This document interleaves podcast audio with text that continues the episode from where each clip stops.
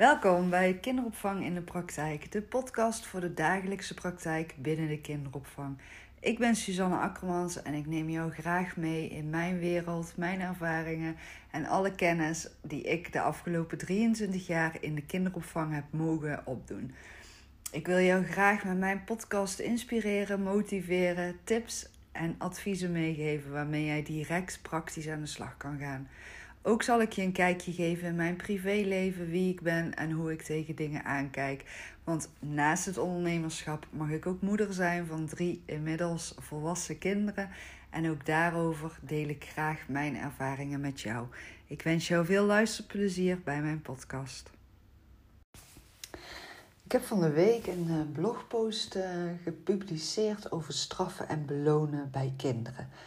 En dat ik uh, soms niet helemaal dat systeem begrijp. Want uh, ja, ik denk dan echt van, je moet ook kinderen echt belonen. Als je gaat werken met straffen en belonen, dan moet er ook echt iets tegenover staan als ze tien keer iets goed gedaan hebben. Dat ze daar dan ook iets voor krijgen. En als dat dan niet gebeurt, dan denk ik echt, ja, maar dan schiet het gewoon compleet het doel voorbij, toch? Als je alleen maar gaat kijken wat een kind slecht doet en daarop gaat straffen en uh, verder niks er tegenover zet wanneer het positief is. Ja, ik snap die logica niet. En ik ben ook wel echt altijd een moeder geweest die wat dat betreft ook wel. Ja, misschien was ik eigenlijk wel een hele irritante moeder en ben ik nog steeds een irritante moeder.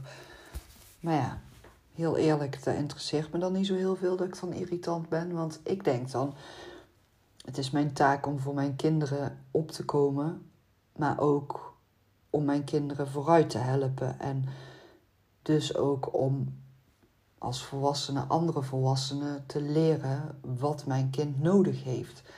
En daarmee bedoel ik echt niet dat ik tegen alle regels en onderwijssystemen aanschop of uh, ga zeggen van uh, uh, hoe het allemaal moet. Nou ben ik aan het nadenken of ik dat eigenlijk wel doe, maar dat is niet zo. nee, maar wat, wat ik vooral heel erg belangrijk vind is, en uh, daar vertelde ik ook al in mijn uh, laatste podcast, dat je kijkt aan wat heeft een kind nou nodig. En dan kan je wel gaan straffen en belonen, maar ik geloof echt niet dat het voor ieder kind werkt. Natuurlijk, er zijn kinderen die hebben het echt nodig. Die hebben hele duidelijke kaders en grenzen nodig. En die proberen continu over die grenzen heen te gaan en, en te kijken van, oh, als ik nou mijn pen twee centimeter verder leg, wat gaat er dan gebeuren? Ja, die kinderen, ja, ik ben dan ook wel echt iemand van het omdenken en, en humor in de opvoeding en in de benadering gooien. Maar soms is dat gewoon niet, niet de oplossing. Dat, dat weet ik ook, daar heb ik ook zelf vaak genoeg ervaren. En soms moet je dan ook echt zeggen van weet je, nu is het klaar, dit is de grens. En daar zit een consequentie aan vast. Natuurlijk. En uh, er zijn zeker kinderen die hebben dat ook echt nodig. Die hebben echt nodig om te weten wat de consequenties zijn en dat er straffen aan vastzitten.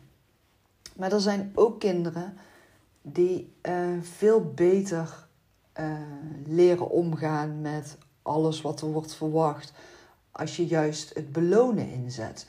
En wat ik eigenlijk vooral wil duidelijk maken, is wat ik ook in mijn vorige podcast heb willen duidelijk maken, is dat je echt gaat kijken van oké, op welke manier help ik dit kind het meeste vooruit, zodat dit kind uh, tot zijn recht komt vanuit zijn eigen ontwikkeling en zijn eigen mogelijkheden ook. En wat, wat er in het kind zelf zit, dat dat er op de juiste manier uitkomt.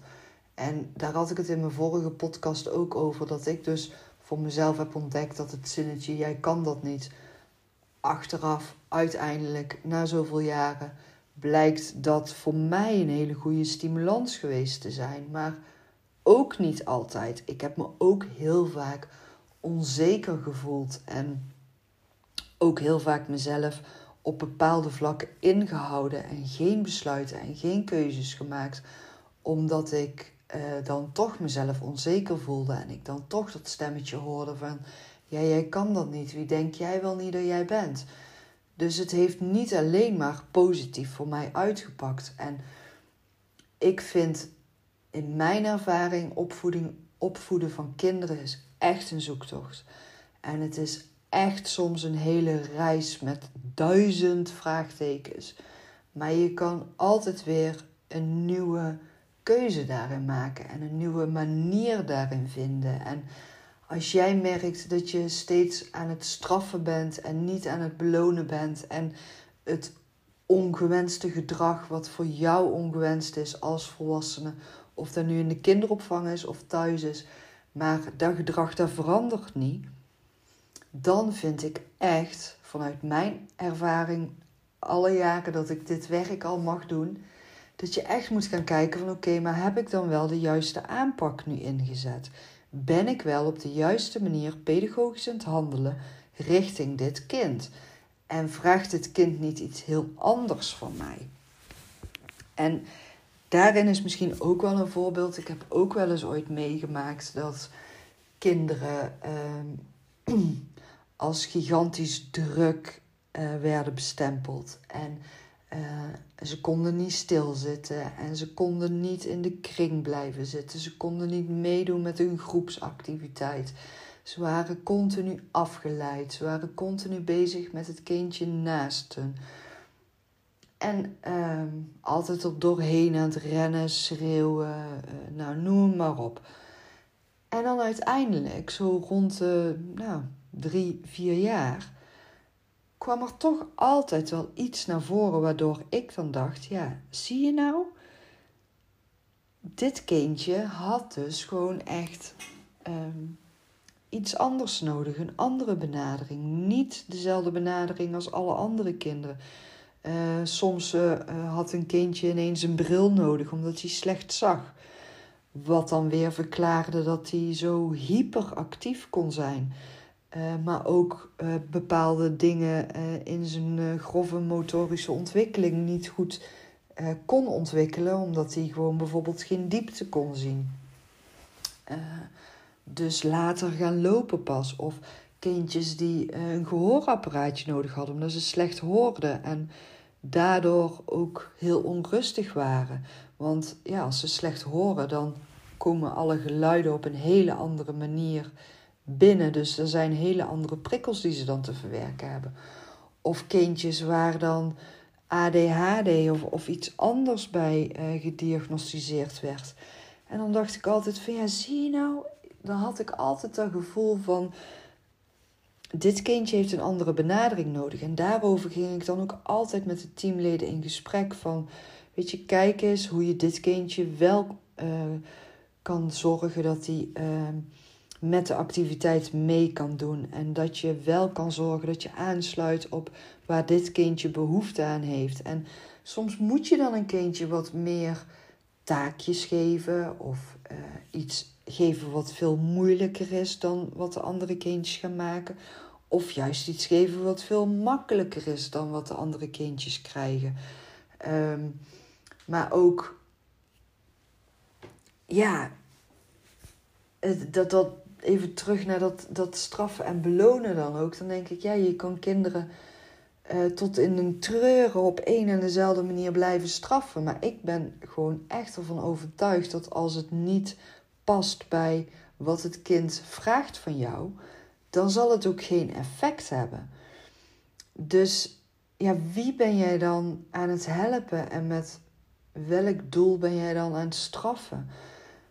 Um, en bereik je dan ook dat doel samen met dat kind?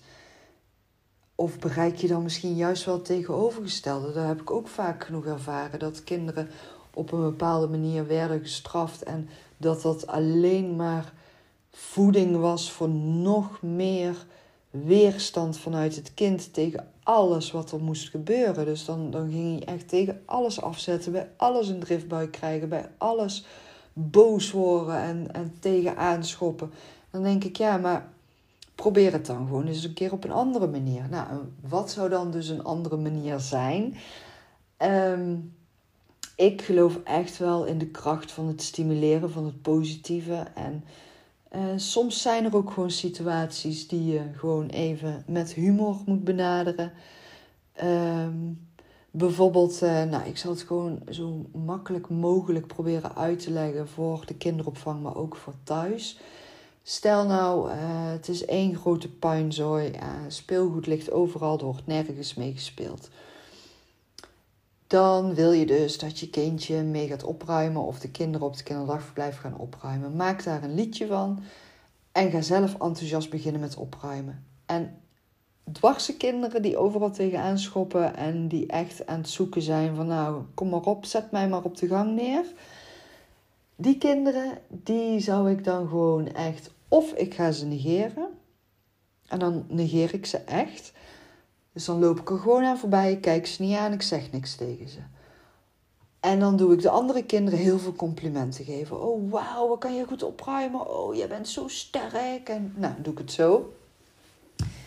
Of ik zeg van uh, Pietje, kijk eens, jij weet heel goed waar die uh, auto moet liggen. Doe jij die maar eens op de kast opruimen of zo, of in de kast zetten. Of, of ik pak het speelgoed waar ze net mee aan het spelen waren en ehm, dat geef ik dan aan Pietje. En dan zeg ik, goh Pietje, wil jij die vanavond aan papa en mama laten zien als ze jou opkomen halen? Of als het thuis is, wil jij die straks aan papa of mama laten zien als hij thuis komt? Mag jij een mooi plekje uitzoeken waar jij die neer gaat zetten? Dan draai je het gewoon positief om en dan nou, laat ik het daar neerzetten. En dan zeg ik: hé, hey, kom maar eens helpen, want jij bent zo sterk, jij kan dat zo goed. Nou, en het ene kind is dan nog steeds super dwars en die denkt: echt niet, ga echt niet meedoen. Negeer ik het weer. En dan ga ik gewoon een grapje maken. Van, oh, nou, wat ben ik toch dom geweest. Ik laat het gewoon uit mijn handen vallen. Ik kan dat gewoon niet alleen dragen. Kom eens helpen. Zoiets. Nou, en dan heb je al een aantal dingen geprobeerd. En al ruimt zo'n dwarskind maar twee kleine mini-mini blokjes op. Het zijn wel twee kleine mini-mini blokjes. Dus kijken van wat is er wel. En um, ja, mijn ervaring is, dwarse kinderen hebben vaak ook duidelijke kaders nodig. Maar ze vragen ook wel om een stukje zelfstandigheid en complimenten. Het is vaak ook wel een stukje onzekerheid, een stukje. Ehm, het kan ook verveling zijn. Verveeld raken in de groep, geen uitdaging meer hebben.